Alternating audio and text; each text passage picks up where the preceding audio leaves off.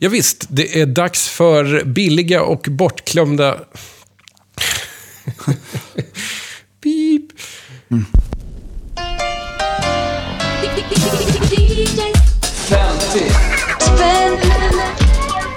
DJ. 50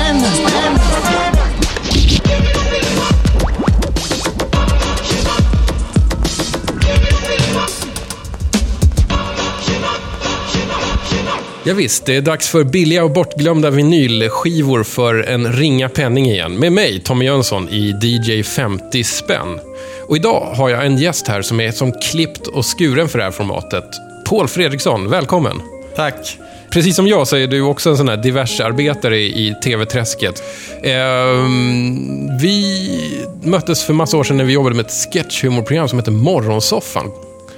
Som jag inte minns om någon någonsin såg. Hur var, hade vi några tittarsiffror?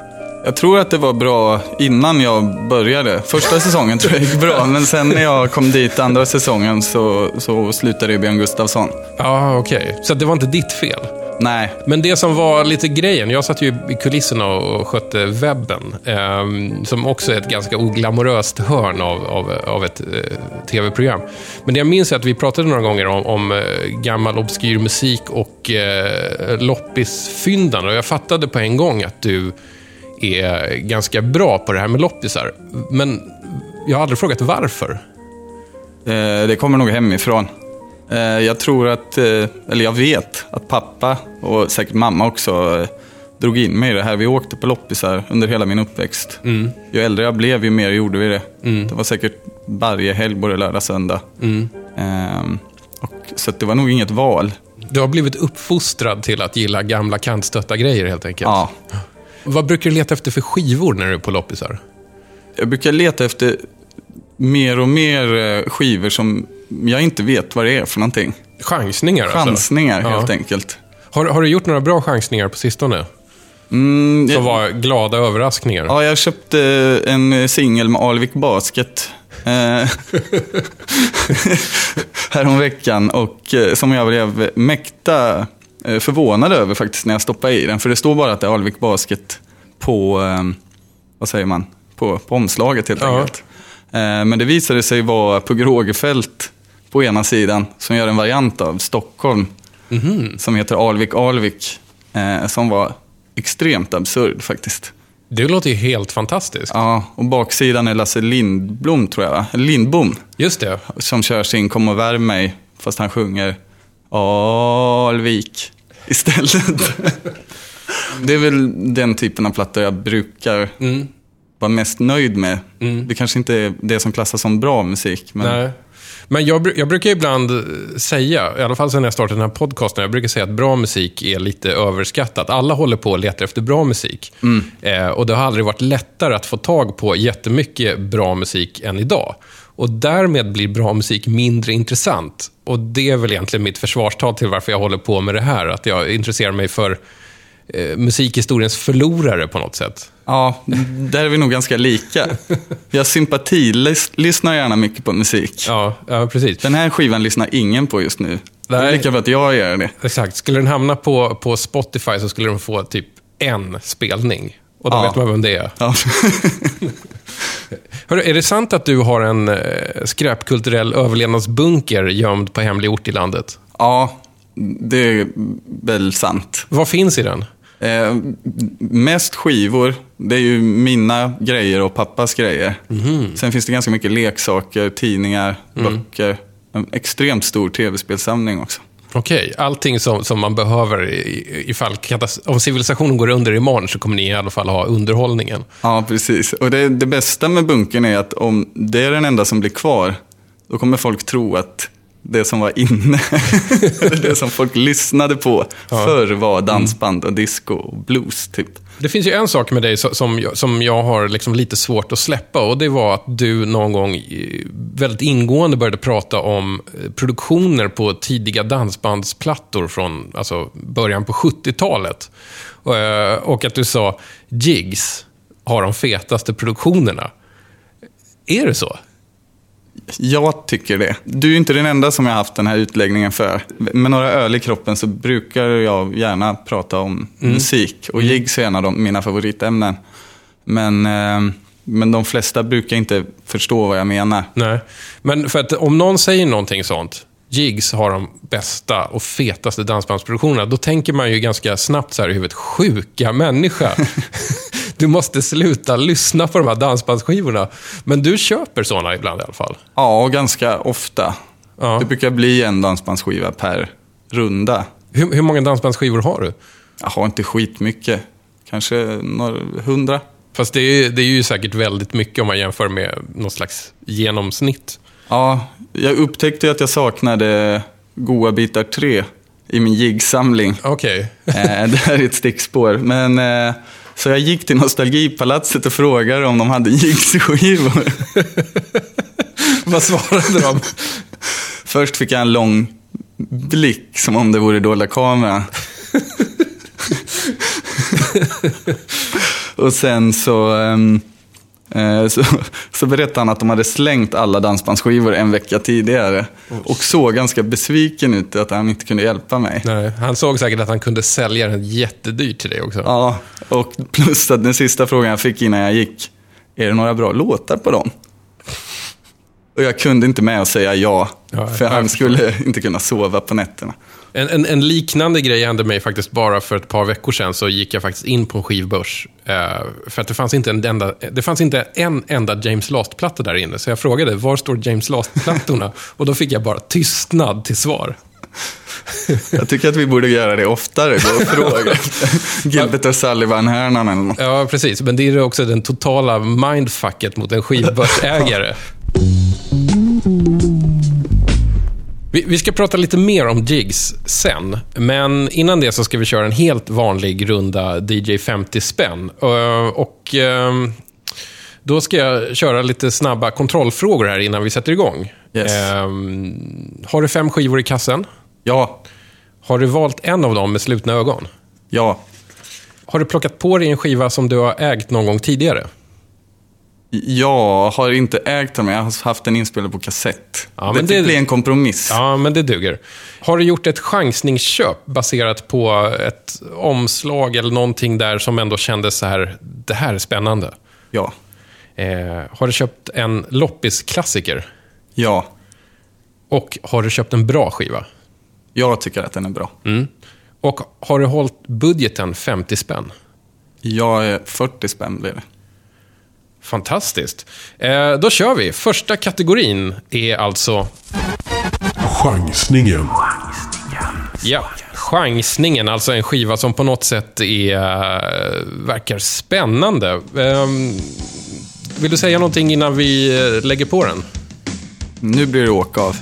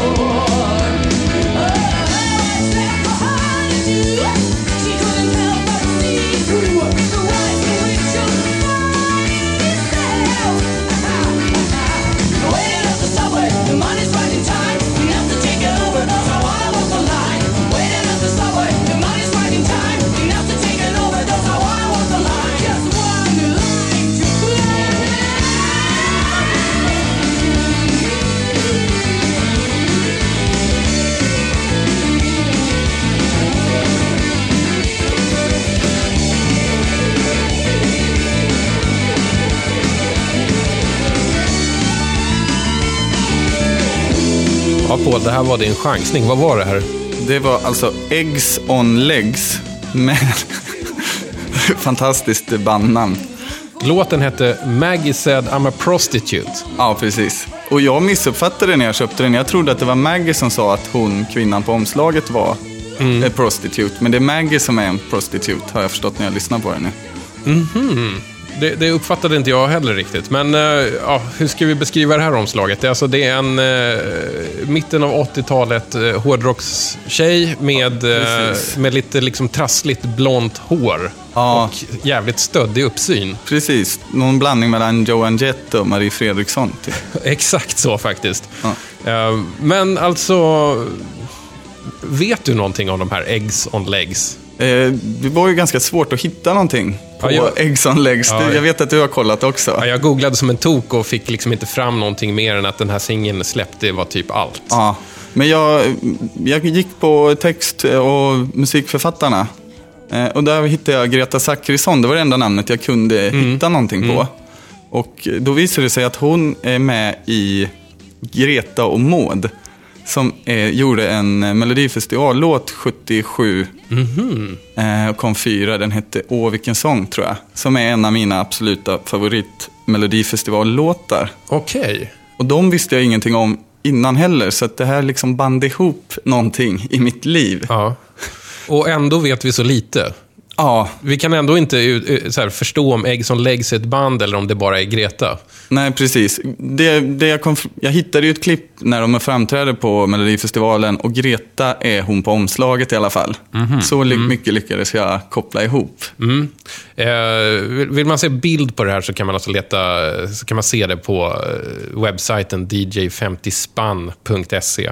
Eh, intressant grej med den här, som, som vi pratade lite under, under tiden låten spelade, var ju att den har ett... Det är inget fel på introt, det är Nej, jätterivigt. det, Det- man blir verkligen, går igång. Jag var skitnöjd när jag hörde introt. Jag Mm. och, tänkte, så, och sen så liksom eh, sjunker den lite långsamt genom hela, hela låten. Ja, det, och eh, texten är ganska trist. Jag hade hoppats mer på någon slags eh, någon så uppgörelse med, med Stockholms undre värld. Och, och prostituerade men handlar mest om att, att hon har, säljer sin själ. Och himla trist produktion. Ja, det var, det var inget särskilt alls, men den är väl kanske någorlunda tidstypisk. Den här är släppt 85. Ja, Ehm, man får för sig att de som lirar det här hade förmodligen rätt tajta leopard-tights på underkroppen. ja, eller i alla fall att de såg upp till folk som hade tajta leopard-tights på underkroppen. Kan vara så. Eh, Men det här grejen med att, alltså coolt intro och bra grundriff och sen att det inte liksom når upp till det. det, det, det jag har en så här hemkokt teori som är liksom att det som avgör om ett hårdrocksband når, alltså, lyckas eller inte, det är ju att de kan göra jättehäftiga intron, men sen också ha en låt efter det som lever upp till det där. Ja. Och det gjorde nog inte Maggie said I'm a prostitute riktigt. Nej, det är inte Run to the Hills. Nej, det... hur, hur kändes det här som ett chansningsköp? Eh, jag var lite besviken. Jag bruk, chansningar brukar vara min bästa Din, din, det är min din liksom- genre annars? Min genre. Jag brukar alltid komma hem med en bra chansning. Och det här var inte en sån. Nej. Det var roligt att, att höra Greta från Greta och Maud. För den låten rekommenderar jag alla att lyssna på. Mm. Vad, vad sa du att den hette igen? Det är deras Åh, vilken sång. Åh, Den är vilken från sång. Skammen, Melodifestivalens skamligaste år, 77. Varför var det det skamligaste året? Det var då Forbes vann med Beatles. Den enda låten som kommit sist i Eurovision av alla svenska bidrag. Hela den festivalen är, är, är magisk att, att lyssna igenom låtarna på. För att Forbes var ändå Mm. en av de bättre bidragen. Oj, oj, då, då kan det inte ha varit liksom toppklass på startfältet. Nej. Men var det, var det för att det fortfarande var i efterdyningen av proggen? Eller? Ja, det kan nog vara så. Ehm, jag vet faktiskt inte, för 78 är ett av de bästa åren sen. Mm. Så jag vet inte om de... Jag, jag kan inte det där varför vissa år är så himla usla i Melodifestivalen och vissa Nej. är... Ja, men det är väl som med viner kanske. Ja. Nå, någonting sånt. Ja, jag vet inte. Om någon vet någonting om Eggs on Legs, så var inte rädda för att mejla. Det är bara... Jag är genuint nyfiken också. Ja, det finns inte så många Greta Zachrisson på Eniro, så man, man skulle ju kunna Ringa upp henne. ringa upp också. Men jag tyckte det var lite överkurs faktiskt. Okej, detta om Eggs on Legs. Eh, Ska vi gå på nästa kategori som är... Skivbörsklassikern. Ja, visst, en sån där eh, skiva som eh, alltid står parkerad i den billiga backen på loppisen. Vad behöver vi veta innan vi lyssnar på det här? Ehm, ni kan ju försöka höra hur många fågelarter ni är här.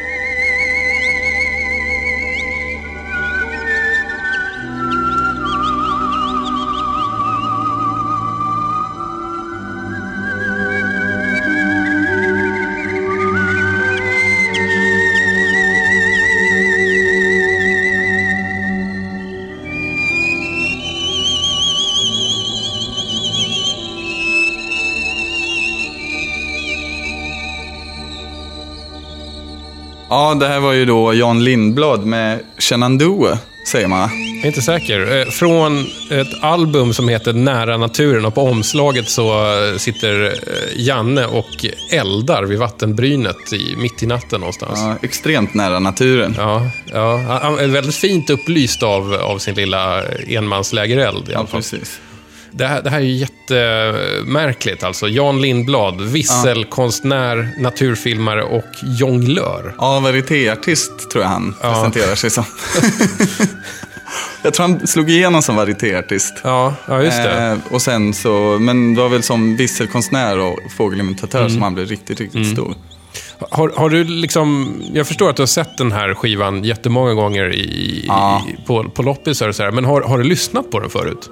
Ehm, till slut gjorde jag det. Mm. Ehm, och det var då jag fick upp ögonen för honom, för jag förstod inte riktigt vad det var. Den fanns överallt. Jag förstod inte varför folk hade köpt den. Så Mm. jag började ta reda lite på vem Jan Lindblad var. Mm. Och vad, vad har du kommit fram till då?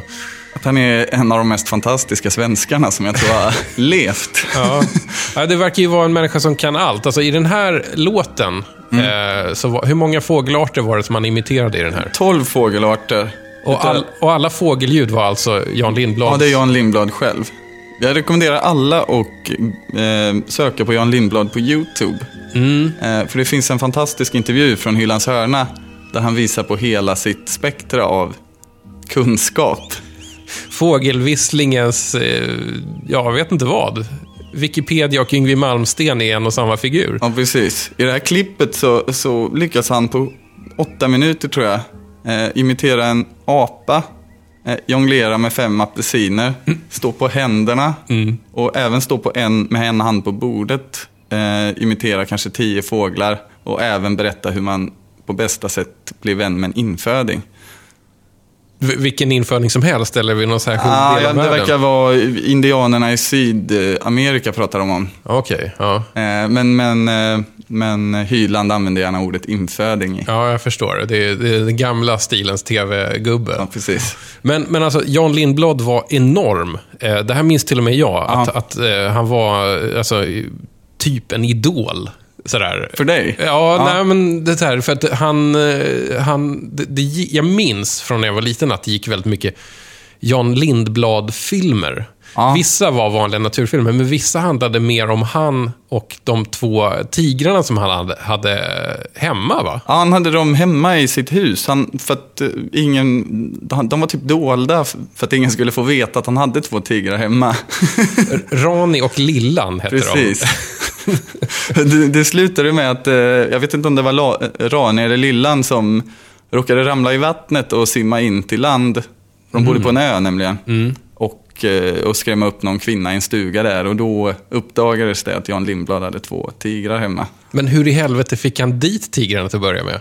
Jag, tror att de kom från Kolmården från början. Jag vet inte om han jobbade där eller något. Eller om de kom från in, han hade importerat dem själv från Indien. Jag vet inte. Ja, det, det, det framgår inte så bra eh, av den. Han, det är inte så mycket skrivet om Jan Lindblad med tanke på hur enorm han var på 70-talet. Man måste ändå säga det, alltså att det var lite stil på eh, naturfilmar eh, och natur-tv-personerna på, på den här tiden. Ja. Alltså att han kan imitera hur många fåglar som helst, eh, kan cirkuskonster, har tigrar hemma. Eh, den här låten vet jag låg etta på singellistan. Ja, i fem, den låg etta i 12 veckor tror jag. Ja. Men den låg på singellistan i 54 Ja. veckor tror jag. Precis. Det är en av de största hitsen tror jag i, i, i modern svensk musik. Ja, du Tror ser. jag. Och det, det, det kan man ju... Det, alltså, det, är- det är ju verkligen så här... Vad har Martin Emtenäs att sätta upp mot det egentligen? Det finns, ett, ett annat klipp som jag rekommenderar att titta på också är ju att han, ett klipp när han brottas med en anakonda i två minuter. Ja, men det har jag sett, vet Ja, jag. det är ju bland det bästa man kan se på internet tror jag. Ja, och jag vet faktiskt att en, eh, en, en konstnär, en skulptur, skulptör, har gjort en, en, en, en staty av det. Som har Aha. stått i, i, i någon slags vatteninstallation på universitetet i Linköping, tror jag. Wow. Den här, den här skivan, eh, albumet här, eh, Nära naturen, är ju späckad med hits. Om Ja. vi bara ska dra några stycken, vad, vad finns på den mer? Sailing har jag för mig, va? det är väl en av de större. Rod Stewart, Eh, precis. hitten Sailing. Ja, som han, han visslar ju då på alla låtar, ska man då, det låter Såklart. så, såklart. Eh, och regnet det bara öser ner. Eller Raindrops Keep Falling On My Mm. Just Head. det. Burt Bacharachs. Jag vet inte vem som, det är väl från eh, Ja, den här det- filmen. Ja, Butch The Cassidy. Sundance Kid. Och vad, vad finns mer på den här? Ave Maria har för mig. Ja, precis. Och I- El Condor Pasa. Det kunde man nästan räknat ut. Ja, precis. Det, det är liksom panflöjt till vissling, inte Ja. sådär jättelångt. Nej. Det är alltså en, en easy listening-gigant, Ja, verkligen. och eh, en, en av Sveriges mest kända diabetiker också. Vi, vi kröner Jan Lindblad till eh, kung av vissling och Ja. naturfilm. Och det, det största tecknet på att man, man måste inte stöpa en låt i en viss form för att den ska bli en hit. Exakt. Den slog ändå ut, jag tror den slog ut Daddy Cool från singellist, ner från första platsen på singellistan. Det är rätt starkt. Ja. E- Eller, eller så säger det någonting om den skivköpande publiken vid det, vid det tillfället. Och styrkan i, i uh, Hylands tittare.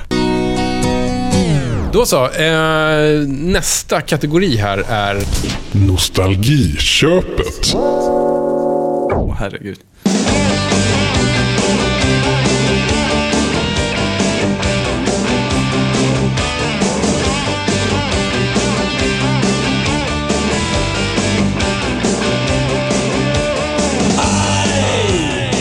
Jag brände mig på gröten Sleven gick av för jag bröt jag skulle ta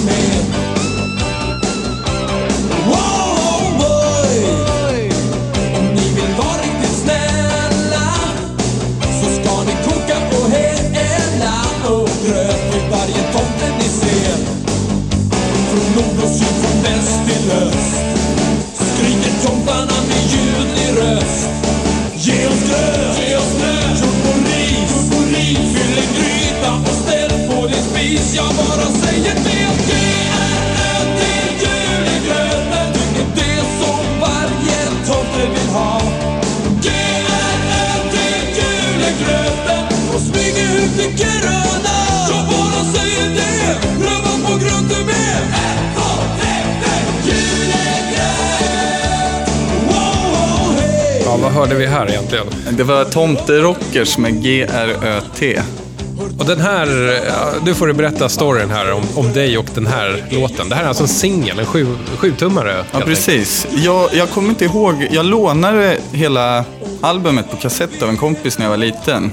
Och albumet heter så här Julmassakern, eller Ja, något, Julmassakern. något åt det hållet, Ja. precis. Och det är bara covers, julcovers på kända Mm. rocklåtar främst har jag för mig. Just det, och det här är en cover på vad då? Eh, R.O.C.K. med Shaboom. Såklart, som är från samma år, är inte det? 80, är den här från 89 eller något sånt där? Ja, den är inspelad 89 och jag tror att det är samma år. Ja.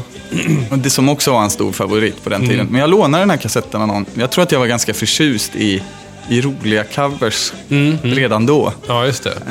Eh, och eh, tyckte att det var hur festligt som helst med att en av mina favoritlåtar Ja. fick vara jullåt också. Mm. med svensk text som jag också förstod då. För det gjorde jag nog inte av ROCK förstod jag nog inte ett ord på den Nej, tiden. nej, men det lät ballt. Ja, det lät ballt. Ja, och de såg balla ut. Ja. För att vara en sån här julcover så de, har de ju julat till den väldigt lite. Ja, De har ju ändrat texten, men annars så låter det ju som en Shaboom-låt i princip. ja det är, jag har svårt att höra skillnad på Ja, jag, jag var också tvungen att liksom benchmarka dem mot varandra. och De Ja. är ja, ganska, nästan identiska. Ja. Vil- vilka är Tomterockers? Har du någon aning? Ja, det verkar vara något slags coverband från Sollentuna som, som vad jag förstår bara spelade på jularna här i Stockholm. Bra nisch ändå. Så här shower med, med liksom försvenskade, Ja, eller ja, rocklåtar med, med svensk jultext på. Sä- Säkert en jättebra eh, affärsnisch, tänker jag. Alltså, jag bara tänker så här, alla företag som ska käka julbord och göra något kul innan, innan jul. Så står Tomterockers där och bara öser. De senaste hitsen istället för de här uttjatade jullåtarna som Ja. ändå finns. Ja. Jag tycker den här borde kunna spelas på jularna ändå. Ja. Vi, Den vi, spellistan som är på radion runt jul Ja, är ju just det. inte så välfylld med låtar känns Nej. det som.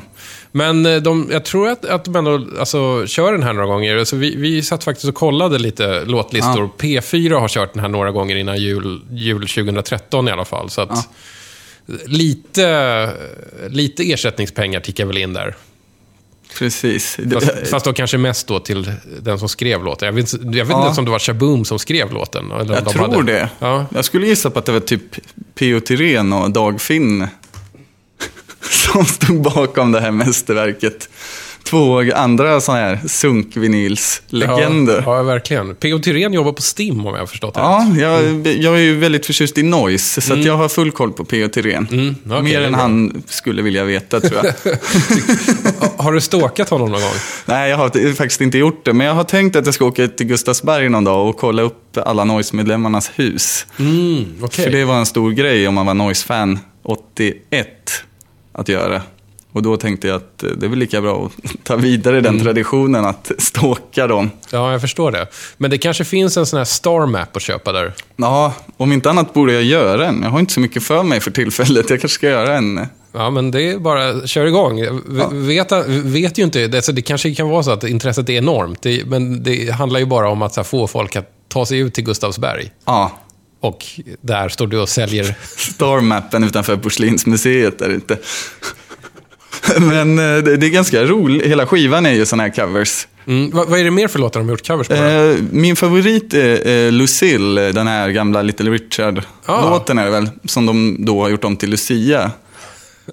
det, det är inte så långt ifrån, men det är en fantastisk eh, översättning där faktiskt. F- förvaltar de på något sätt Little Richards eh, rockenergi då? Eh, nej, det gör de inte. Tyvärr. Den, eh, den, den står sig väldigt dålig mot originalet, men den är ganska kul. Mm. Den, eh, en av de lite sämre varianterna är Jag ska köpa renar för pengarna. Där har de inte försökt ens. Nej, nej, nej. Men bra, bra förhjulning av den titeln ändå. Ja, den, den funkar ändå. Den är ganska lik. Det finns några, det, det är den typen av Ja, ja. låtar hela vägen igenom. Hur ställer du dig annars till genren rivig julrock? Eh, bra, jag gillar julmusik. Va, va, vilka är dina julplattefavoriter då annars? Eh, ganska tråkig. Jag gillar Jackson 5s julskiva. Det är nog min favorit. Och sen är jag väldigt förtjust i Yngve Stors julskivor, även om det inte är så mycket julstämning i dem. Nej, men de har ju ändå någonting. Alltså, jag, jag tycker att Hawaii, Hawaii, gitarr och jul på något sätt ändå passar rätt bra ihop. Ja, oväntat bra faktiskt. Den bästa jullåten är väl annars Wizards, eh, I wish it would be Christmas every day. Den, den, har ju, den låter som en Phil Spector-produktion. Right. Alltså, det- Upphottad Phil Spector. Mhm, Det här glamrock med Ja. bjällror och barnkör. Och...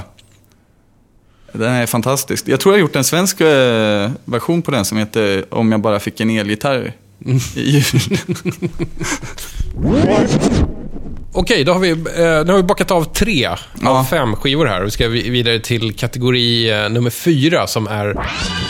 Random Access Vinyl. Ja, precis. Alltså slumpmässigt vald loppisvinyl.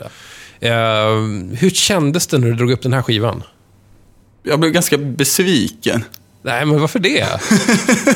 Det, för det var precis en sån där skiva som jag absolut inte skulle köpa annars. Ah. Vilket kanske var bra på ett sätt också. Men, men jag såg att det var alldeles för mycket pretensioner Mm, jag förstår. redan när jag såg omslaget. Det som var kul var att jag inte hade en aning om vad det var så här initialt. Mm, bra, vi lyssnar. Set up, set up for the sake of a comfortable home. Too young, too young to take control. Mother's little weapon for when father broke the rules. He never wanted her or me, he just wanted to be free. There's a risk and a twist, and all is from the girl you missed by minutes on the day you were hit. Set up every opportunity to make me like them. Set up, born into a world where I had no control. One set up leads to another. Two set up to lie to each other. One set up leads to another one. Two set up to lie to each other.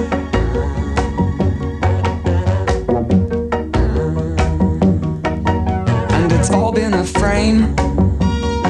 I've got to change my appearance and get rid of the name.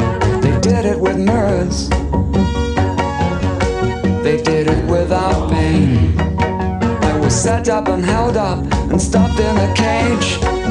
Don't get up and say it was some other mother. I'm sure enough it was you that planted me. Is there anyone out there who can change this atmosphere? And it's a setup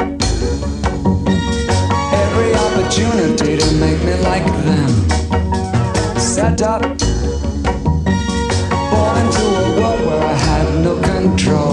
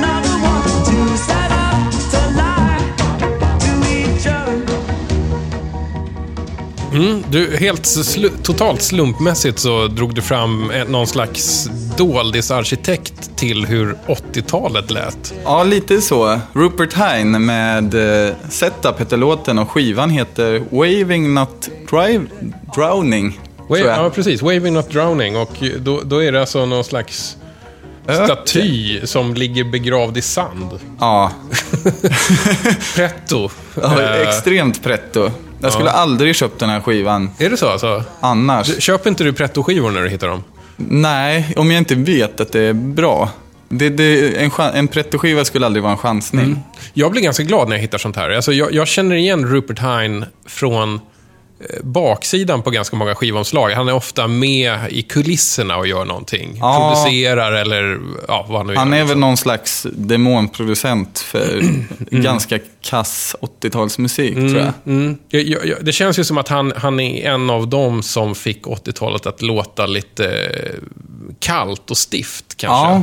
Men jag, jag brukar i och för sig gilla det lite. Att, alltså, Rupert Hines solo-grejer Ja. Det, det som jag har hört av dem, det, det ligger någonstans i, i spektrat mellan Phil Collins In the Air Tonight och Heaven 17s lite mindre hittiga grejer kanske. Ja, det, det kan nog stämma. Det kan också vara anledningen till att jag inte tycker att det är så kul. Jag förstår. Ja. Vad, vad tänkte du annars då? Liksom, när, när- har du lyssnat igenom hela den här Ja, jag skivan? har lyssnat igenom hela skivan. Det här var ju Plågat den... igenom dig? Ja, det var verkligen en plåga. Jag tyckte allting lät ungefär likadant. Den här låten sticker ut, det är ju hitten. Mm. Den har ju någon slags syntpop eh, ambition i, i grunden tycker Mm. jag, som ändå jag kan ta till mig och lyssna på. Men, men det andra är väldigt så här konstmusik. De andra låtarna är ju liksom mer konceptuella. Ja. eh, Sådär. Eh, Han vill säga någonting, Ja. fast på ett otydligt sätt. Ja, väldigt mycket metaforer och... Vad vet du annars om, om Rupert Hine? Eh, inte så jättemycket. Jag, eh, som sagt, han är ju producent. Jag Mm. försökte ta reda på om han hade producerat något riktigt jäkla bra. Ja, Det tog mig inte. ganska lång tid. Jag tror att han hade eh, gjort eh, Better Be Good To Me med Tina Turner som är en av mina Ja, det- det- i, Det- i, partyfacket. Ja, man säger så. det. Kan nog stämma, för att han, han har ju liksom varit så här, producerat eh, några spår på Tina Turners stora 80-talsplattor. Ja, Och eh, en sak som jag ändå blev glad att se att han faktiskt har producerat är ju Stevie Nicks eh, Alice i Underlandet-temaplatta. Aha, den har jag inte heller plockat på mig. Nej, The Den- Other den- Side of the Mirror, som är Ja. också en väldigt 80-talig Ja. Stevie Nicks-platta såklart. Men, eh, Men det annars... var så saga och sånt. Ja, jag han hade producerat. som- Saga, Camel, eh, Rush. Ja, Sena Rush också, för Okej. att göra det ännu värre. Eh, men även Howard Jones, Thompson Twins, eh, lite så här... just det. eh, sena Bob Geldof-grejer, Christer Berg, ja. Nu sa du Thompson Twins. Ja. Det är ett av mina största frågetecken här i livet. Ja. För det, jag läser ju ganska mycket 80-talstidningar och, och, Mm. Just det. som jag köper på loppis. Och då är alltid Thompson Twins med. ja. Men det är aldrig någon som pratar om Thompson Twins längre. Eh, Jag undrar om inte det var ett sånt band som man, som man desperat försökte breaka till en stor publik, men att det aldrig kanske riktigt tog sig. Nej, De hade väl några så här små hittar ett tag. Ja. Doktor, Doktor. ja precis. De, de är inte så dumma tycker jag när jag Nej. lyssnar på dem. Men det, jag förstår att det inte har, har, Nej. har hållit för tidens det. tand. Om det ens gjorde det då. då. Ja. Men du, eh, alltså det, det finns ju en, en li, lite så här märklig Rupert Hine-produktion är ju Katie Sagals soloplatta från 94. Alltså, hon, hon som spelar mamman med det jättestora håret i, eh, i, i uh, Married with Children. Okej. Våra värsta år. Och nu för tiden då den alltså stentuffa bikermorsan i Sons of Anarchy. Aha, nu är vi ute på, på områden som jag inte Ja, ja. hanterar Ja, riktigt. förstår. men, men, Ja, det, ja. låter, det, det låter intressant. För det var, det var ju det som var det stora utropstecknet när jag började så här, bara, Mm. bara var tvungen att researcha, vem är den här Rupert Hine, vad har han gjort liksom? Och det, den, den grejen som stod ut mest var Ja. nog det, att han är, han är hjärnan bakom Katie Sagals soloplatta. Ja. Som det lilla jag lyssnade på var inte fantastiskt på något sätt, men det var heller inte dåligt. Men det verkade inte vara så pretto heller, så att jag Nej. tror att Rupert Hine kanske har eh, slutat med det. Ja, det, vi pratade ju om det innan att, under låten, att han, att han hade varit med på Måndagsbörsen i Sverige. Just det, 82, tror jag. 82, ja, precis i samband med den här skivan tror jag. Och då verkar han vara en ganska kul kille. Så att han är nog roligare än hans musik. Lite Mm. Ja, grann. men sådär, jättespexig Spe- ja. hemma och sen så gör han en skiva så, så är det liksom eh, stoppa upp en pinne långt upp i röven. Ja. Eh, och köra igång Synclaviern eller någon annan sån här tidig 80-tals maskin för en miljon som ändå bara låter som så här, Ja. som vi lyssnade. Och eh, det som jag tyckte var roligast med det klippet är att eh, Phil Collins kommer upp från publiken för att ackompanjera honom på maracas och Ja, tamburin. men det är ju en, det är en rätt saftig bonus ändå. Ja, det är en extremt saftig bonus. Och, och Phil Collins var nästan som störst. Ja, 82 Så- som var han rätt stor. Han var alltså. extremt stor då. Och jag vet inte varför de har kört dit honom för att stå och skaka en tamburin. Men de, alltså, Under en låt. eh, Phil Collins är ju faktiskt med på det här albumet. Ja, fast på en annan Throne. låt. Ja, Ja. precis. Men då gör han också bara en sån liten marimba, timbales och tom-toms. Alltså han kör lite diverse slagverk bara Ja. med vänsterhanden förmodligen. Ja. Men, men så att Rupert Hine var säkert ganska stor i musikerkretsar. Mm. Ja, men han är väl säkert en musiker-musiker. Ja, precis. Ehm, jag har inte så mycket annat att säga om den Nej, där. vi jag, behöver inte prata mer om Rupert Hine. jag, jag blev ganska sur att jag fick den skivan. Ja, jag förstår. Som det, slump. Ja, ja men det, det, det var väl loppisguden som ville säga dig någonting. Ja. Var, var var du och eh, köpte skivorna förresten? Jag var på Myrorna i Ropsten för jag visste att de hade mycket där. Just det, det är en ganska stor skivavdelning. Ja, det är en väldigt stor skivavdelning. Eh, Tyvärr så verkar inte någon gå igenom den för att det, Eh, det är skit. Fast det, å andra sidan, det krävs en stor dynghög för att det ska finnas några små... Alltså, det är ju bra om ingen går igenom den, känner jag. Alltså, Ja, det, då finns det i alla fall en möjlighet att det kan finnas kvar någonting. Ja, jag tror faktiskt, så här i efterhand förstår jag inte varför jag gick dit. För jag tror aldrig jag har gjort ett bra skivköp på den. Men eh, sk- ska vi gå vidare då, till sista skivkategorin? Fyndet. Den bra skivan som du köpte för hur mycket då? 10 kronor. 10 spänn, det gyllene priset. Ja. Eh, vi kör väl den och så snackar vi sen. ja, höj volymen.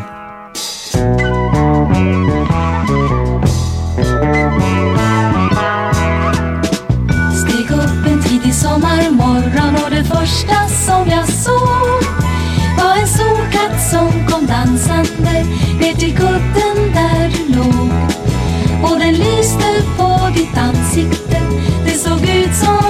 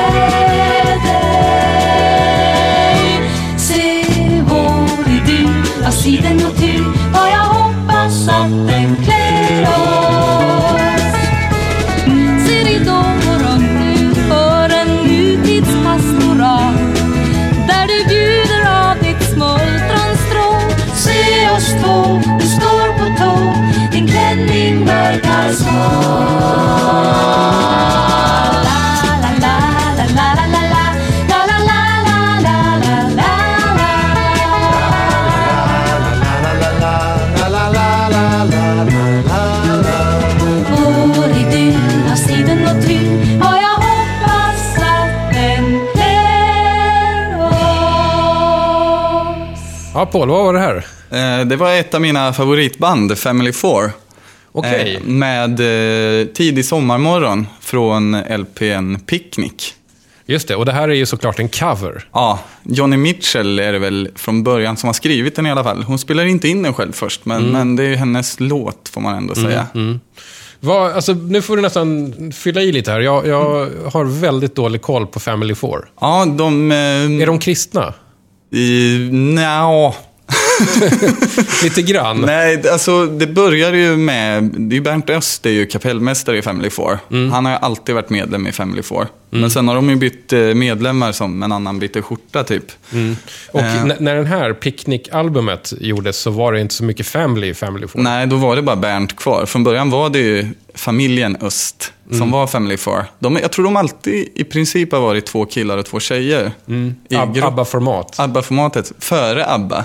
Precis, just det. Jag ska komma till det sen. Mhm, Ehm, Eh, Tänkte jag. Eller Mm. vi kan ta det direkt kanske. Det, jag har ju haft en teori som jag driver konstant. Family Four är ett av mina stora favoritsamtalsämnen Mhm. som aldrig någon kan haka på. Nej, du, du har liksom ingen att prata med Family Four. Nej. Nej. Och, och jag vill ju bestämt hävda att ABBA har snodde hela Family Four-stil. Mhm. Det, det finns inget bevis för det här. Nej. Men eh, Family Four vann ju Melodifestivalen 71-72. Två år i rad. Det är det enda som har gjort tror jag. Eh, 73 kom ABBA Just till det. Melodifestivalen med exakt samma koncept. Och eh, det var väl deras stora genombrott. Men, men är inte, var inte ABBA ändå lite coolare på något sätt? Folk vill hävda det. Ja, jag nej, men jag menar- den här eh, ja, men att de- tesen. Men de det- var inte så... När de slog igenom så var de i princip lika coola som Family Four. Men sen, Sen vässade de sig. sen vässade de Ja. sig. Det blev coolare kläder och... Ja. Men för, för att för mig är Family Four väldigt mycket så här, det är vita vidder och... och Ja, det var ju alltså- den första Melodifestivalen. Ja, det. nej, men alltså att, att det var... För att jag blev lite glatt överraskad av det här. För att det här var ju lite så här... Eh, det finns små element av proggighet i det här. Ja. Samtidigt som det är svensk topp. Vilket är en Precis. härlig hybrid. Ja, men Family Four var väl ett svensktoppsband från början. Mm. De tidiga Family Four är ju väldigt mycket svensktopp i slutet av 60-talet. Och, och, men sen så hoppade ju folk av, eller dog, eller på Mm. ett eller annat sätt byttes ut. Så sen blev det den här supervarianten av Family Four i slutet av 60-talet tror jag de bildades, den här varianten. Just det. Med då Bernt Öst som kapellmästare, Pierre Isaksson, countrylegenden, Mm. eh, Marie Bergman, Som sen skulle bli väldigt stor solo. Solo precis, och Agneta Munter, som jag inte vet så mycket om överhuvudtaget, mer än att en, en gubbe sa till mig en gång att hon var en snygge i Family Mhm, Four. Så det, det är väl det. Man ser väldigt lite på det här omslaget. De är liksom långt borta Mm. i bakgrunden och utfrätta av solljus. Ja, precis. Men det, både Marie Bergman och Pierre Isaksson är ju förknippad med annan musik än kanske just Svensktoppen, även Svensktoppsmusik, även om de har legat på Svensktoppen. Mm, Och jag tror att det var den hybriden av de här människorna som fick bandet att låta ganska konstigt emellanåt. Mm. Det, det byta genre mellan låtar och det känns som att det var många viljor. Mm. Vad jag har förstått så hatade Marie Bergman Bernt Öst under nästan hela Oj då. eller Ja. Mm. hatade, det, det, jag har läst mellan raderna det här och hon verkade inte helt nöjd med... Nej. Bernt Öst ska bara ha hållit kontakten med Pierre Isaksson när de upplöstes, gjorde de inte, utan de hoppade av och så kom det nya Mm. personer inom mm. Family Four. Så det är ju mest covers på skivan av Mm. lite så här folkpop, Ja, just det. rocklåtar Ja, från USA ska, nästan. Ska vi dra vad det är för covers på den här? Det är eh, Mr Bojangles. Ja, precis. En svenska. väldigt stark eh, version av den faktiskt. Ja. Eh, och eh, A Horse With No Name har de gjort Amerikas låt. Som, som blev väl bannlyst i USA när den kom. eh, För att folk trodde att den handlade om heroin. Det, det framgår inte i den här versionen riktigt. Nej. Och vad har vi mer? Det är lite, den sista låten är väl en Van Morrison-låt, inte någon av hans kända tror jag. Old Old Woodstock. Ja, från Tupelo Honey tror jag. Okej. Och, ja. eh, Så är det någon så här Peter Paul and Mary-låt och sånt. Ja. De låter ju väldigt mycket som Peter Paul and Mary. ja, det gör de ju faktiskt. Hur står sig den här i den svenska liksom, cover-kategorin på 70-talet? Eh, det här är ju en av mina favoritskivor. Eh, Så att, eh, jag tycker att att den är toppen. Den är toppen. Ja. Det är ju egentligen bara ett svagt spår på den här skivan. Vilket är det? Det är tredje, den här eh, båt... eh, Vad heter den? Mannen i roddbåten. Mannen i roddbåten, ja, den är fruktansvärd. Den brukar jag Ja. eh, ta bort. Originalet heter The Man in a Rowboat. Ja, jag har vet inte ens sökt. Jag brukar söka upp eh, eh, originalversionerna, men just den här gick inte. Den är för hemsk. Mm, ja, jag förstår. Men varje album måste ha ett svagt spår. Ja, precis. Det, det, en sak som jag upptäckte var att eh, Lundell har gjort en cover på den här också. Med en eh, omedvetet eh, parodisk egen text som heter Vin till frukost. Ja. Men den här, det här är den bästa versionen jag har hört av låten. Om Joni Mitchell inte har spelat in den, vem är det som har Jo, han, hon har spelat in Hon den, har men spelat jag in tror den. att Judy Collins gjorde den först. Okej. Och sen spelade hon in den själv i en, en ganska eh, trist version faktiskt. Okej, ja. Jag Som förstår. Jag, jag, jag tycker att Johnny Mitchell är ganska trist. Mm. Överlag. Hon är en väldigt bra låtskrivare, men inte en, den mest spännande artisten. Nej. Nu Ja, kommer jag- mamma strypa mig, men, Ja, eh, men jag det- får leva med det. Ja, det, det kan det vara värt. Ja. Hon kanske stryper dig snällt. Ja. Eh, liten bonus här, att, att det omslaget som du har dragit upp här Ja. är signerat Ja. av Family Four-medlemmarna. Ja, det, jag blev nästan skakig när jag såg det. Ja, att, att, att Bernt Öst och Pierre Ström och Nej, Marie Pierre Bergman- Isaksson Pierre, förlåt, Pierre Isaksson eh, och eh, Marie Bergman och... Agneta Munter. Agneta Munter har till och med skrivit kram på det. Faktum var att jag köpte en Family Four-skiva till och julskivan som de gjorde samma Mm. år eller året innan, där den, och som också är signerad. Som är, som är Agneta Munter tror jag det har skrivit en hälsning till kapellmästaren på den, Mhm. tror jag. Mm. Eh, eller kapellmästaren inom citationstecken, så det måste varit någon i deras närhet som har fått de här skivorna signerade. Men jag har ju inte lyckats ta reda på vem det är. Nej. Eh, men är det vanligt med signerade Family Four? Nej, jag har inte sett det innan. Jag köper ju alla Family Four-skivor jag hittar. Ja. Eh, jag, det var första gången jag hittade dem signerade, så det var ju ett jäkla lyckokast det här. ja. Så, så det är inte som uh, Yngve Stor till exempel, Ja, där, precis. där det nästan är svårt att hitta en osignerad Ja, jag har märkt det. Jag köpte ju någon Yngve Stor i början av min skivköparkarriär som var signerad med Jag glädje. tänkte bara, ja! Nu vill man ju ha dem osignerade nästan. ja. det är det som är realiteten. I vanliga fall i DJ 50 spänn Ja. så säger jag hej då här och lägger på en James Last-låt. Ja. Jag kommer att lägga på en James Last-låt, men jag har tänkt göra så här för eh, lite, lite av omsorg för, för lyssnare som, som kanske har härdade öron, men inte så härdade öron, att nu ska vi gå in på det här vi pratade om lite i början. Yes. Jigs-produktioner. Ehm, så att om, om ni inte vill höra eh, sna- snack om dansbandsproduktioner, stäng av här. Annars, häng med.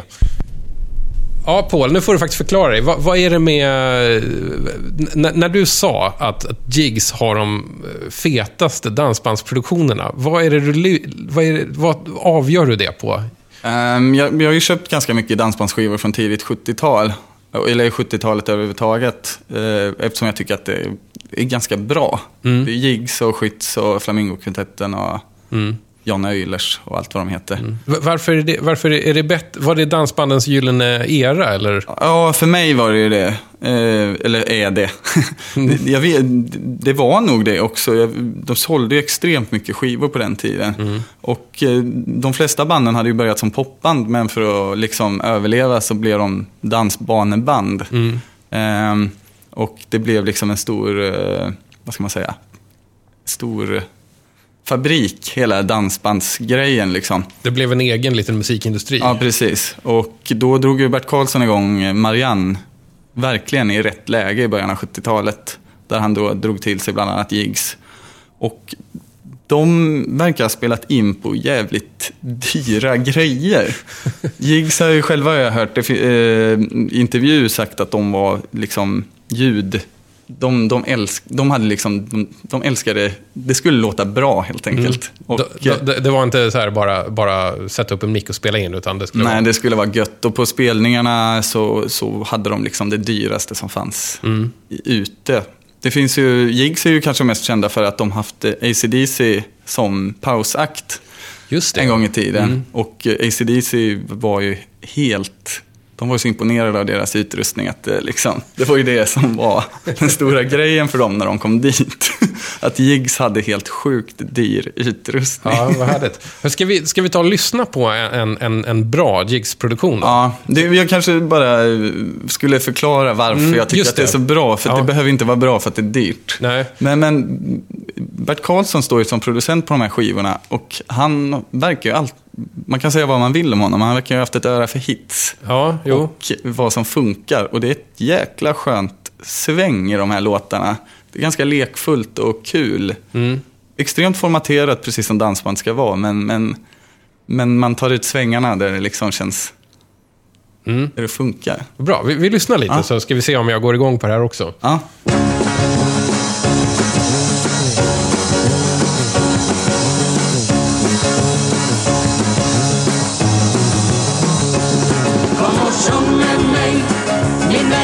Sjung med mig. Min vän kom och sjung med mig. Min vän så blir du god och glad igen. Kom och sjung med mig. Min vän kom och sjung med mig. Min vän kom och sjung med mig. Min vän så blir du god och glad igen. Det finns stunder i livet när allt slår fel. Alla får väl av det sin beskärda del. Till exempel i morse så hällde jag Fyra fulla skedar salt i en kopp choklad. Jag tog mig en klunk och så var det hänt. Något så läskigt jag aldrig har känt. Jag spottade och fräs och hade mig. Ta det lugnt sa gumman, det ordnar sig. Kom och sjung med mig. Min vän kom och sjung med mig. Min vän kom och sjung med mig. Min vän så blir du god och glad igen. Kom och sjung med mig. Min vän kom och sjung med mig. Min vän kom och sjung med mig. Min vän så blir du god och glad igen. Resten av dagen den blir likadan. Nästan allting gick på tok för en stressad man.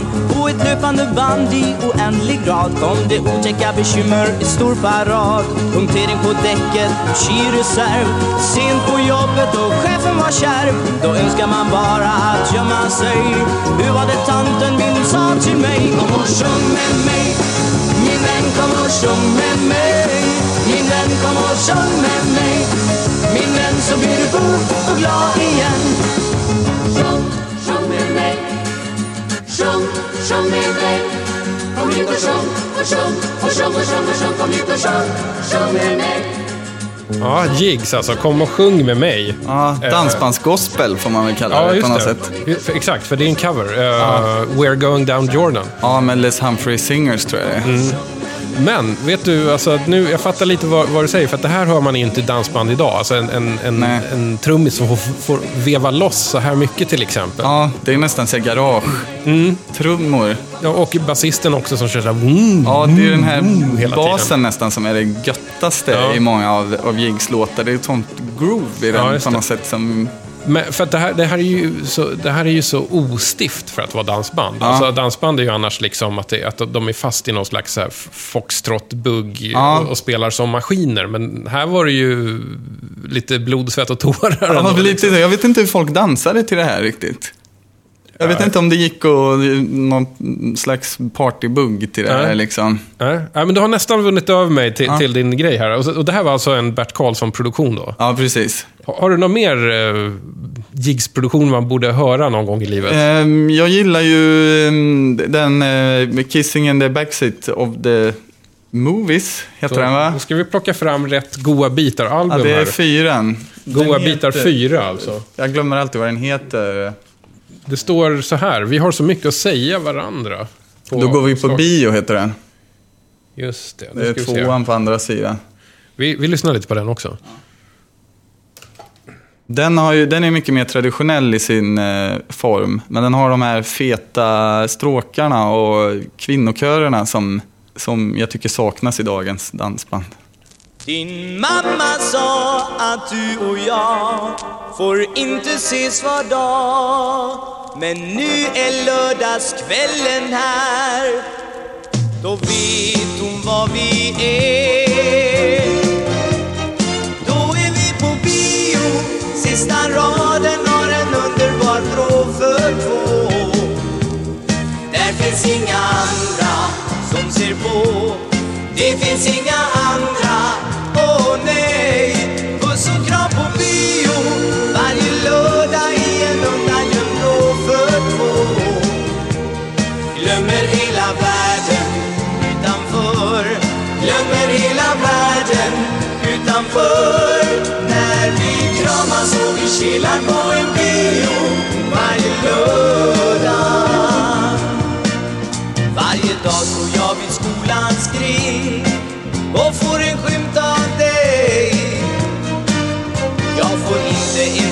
kyss på kind. Du säger bara hej. Finns ingen chans att ta dig ut innan läxorna är slut. Men sen är lördagen här,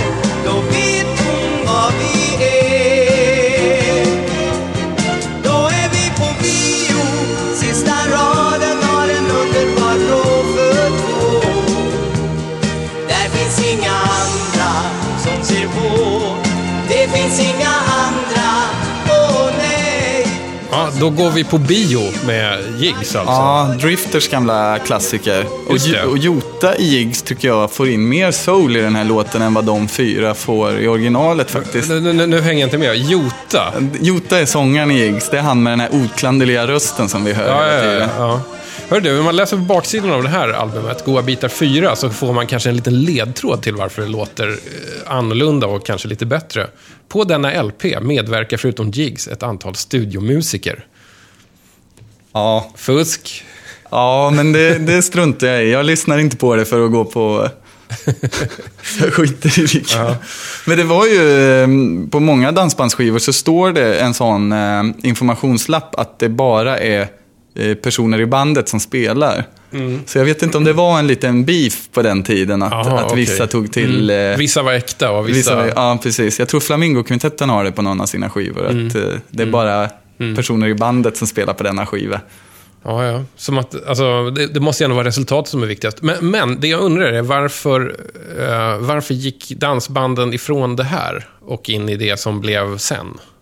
Det, det har jag inte svar på tyvärr. Jag, met, jag vet inte riktigt när det hände. Jag tror att det är slutet eh, av eh, eh, 70-talet, början av 80-talet, eller egentligen där. Mm. Den övergången så började alla köra saxofon och, Mm, och det. sådana... Det är det som är grejen. De är, de, de är inte saxfetischister. Nej, det, det finns blås på vissa låtar tror jag, men inte på det sättet riktigt. Nej. Man börjar höra det efter ett tag in på 70-talet och Mm. att de här saxkompen kommer, de här lite såsigare Ja, men den produktionerna. smetiga dansbandssaxen alltså. det är som ska klia en på ryggen.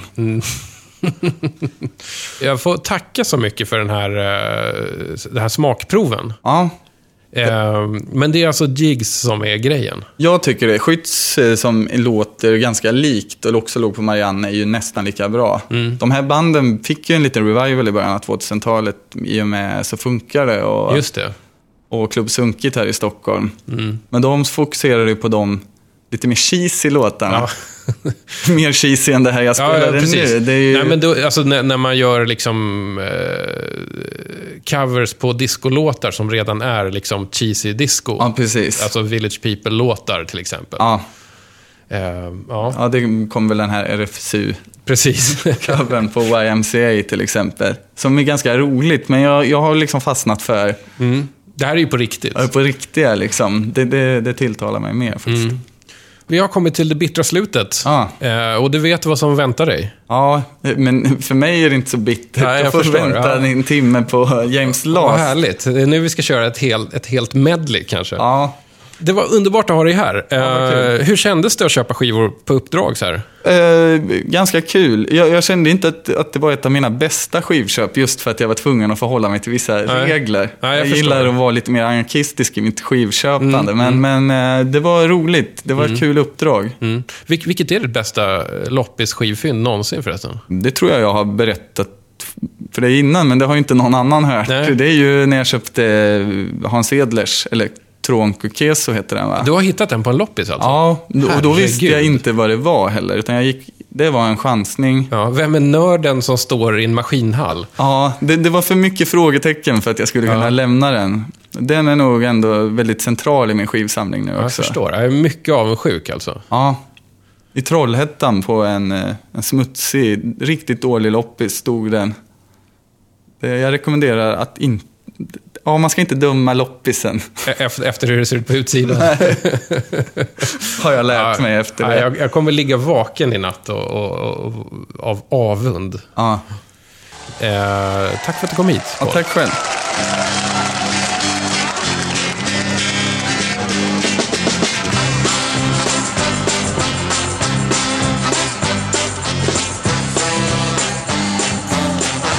Jag hör ju, jag känner igen låten.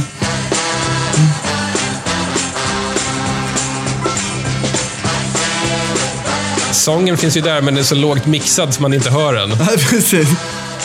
Det är så jobbigt när man känner igen.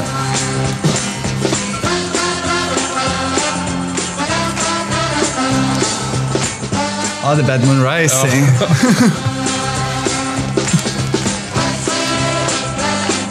Creedence är jag kass på annars. Ja.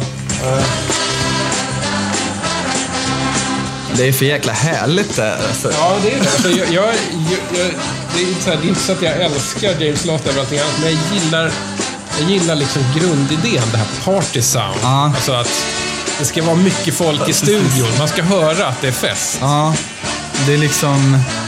Ja, jag gillar också... Jag vill säga skoter. Ja, det är det faktiskt.